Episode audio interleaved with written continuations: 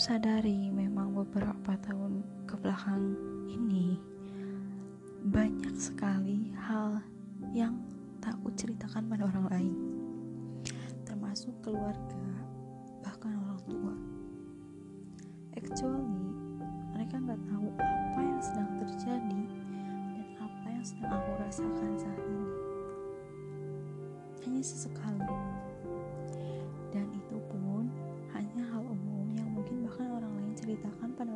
juga.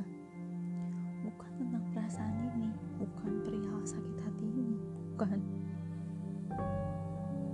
Mungkin lebih banyak aku bercerita tentang kehidupan manusia-manusia yang dalam tanda kutip gagal paham dengan apa yang namanya tanggung jawab.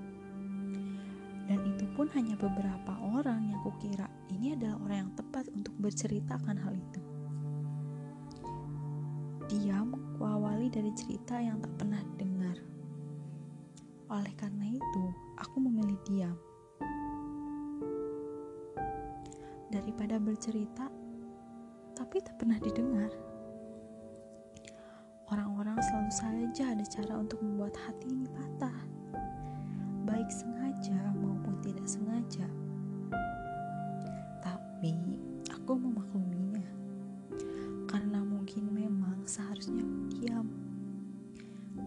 Kadang dalam beberapa situasi diam bukan merupakan solusi, tapi ini lebih baik daripada lebih patah hati. Maka kali ini akan kuceritakan sedikit tentang diam yang selama ini tersimpan. Entahlah, tiba-tiba saja terlintas di dalam pikiran, apakah saya akan selamanya seperti ini?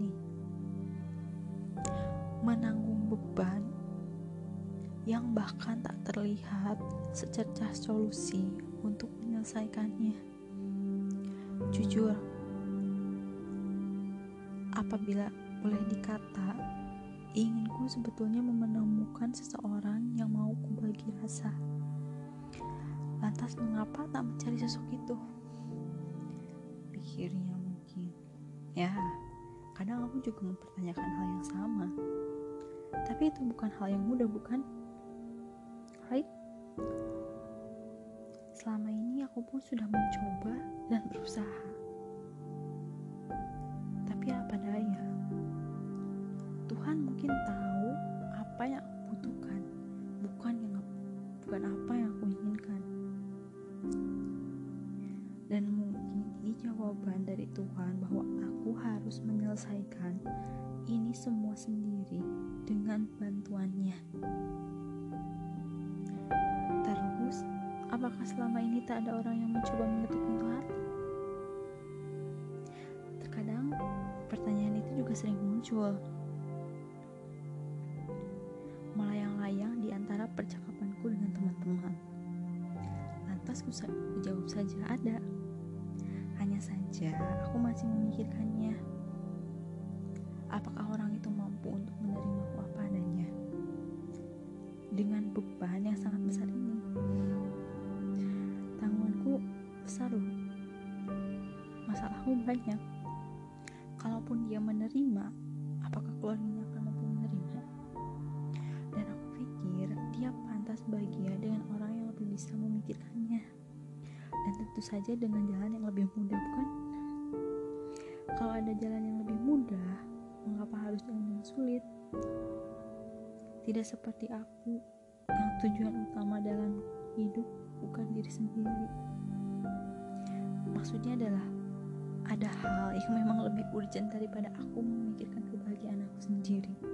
Dalam artian bahwa keinginan untuk mengaktualisasi diri bukanlah prioritas utama bagiku. Honestly, bahwa aku berada di titik ini bukan keinginanku, tapi aku masih bisa survive Bukankah dalam posisi ini aku harus lebih banyak bersyukur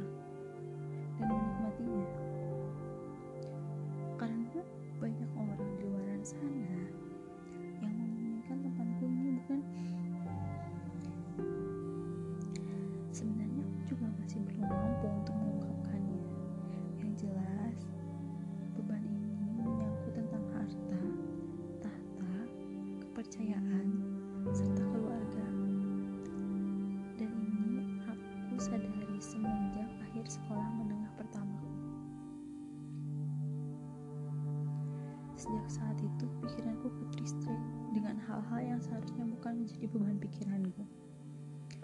Untung saja sebelum aku menyadari bahwa aku tidak pantas untuk dicintai, aku sempat merasa bahwa aku pantas untuk dicintai. Sebut orang itu dengan senja. Hai senja, apa kabar?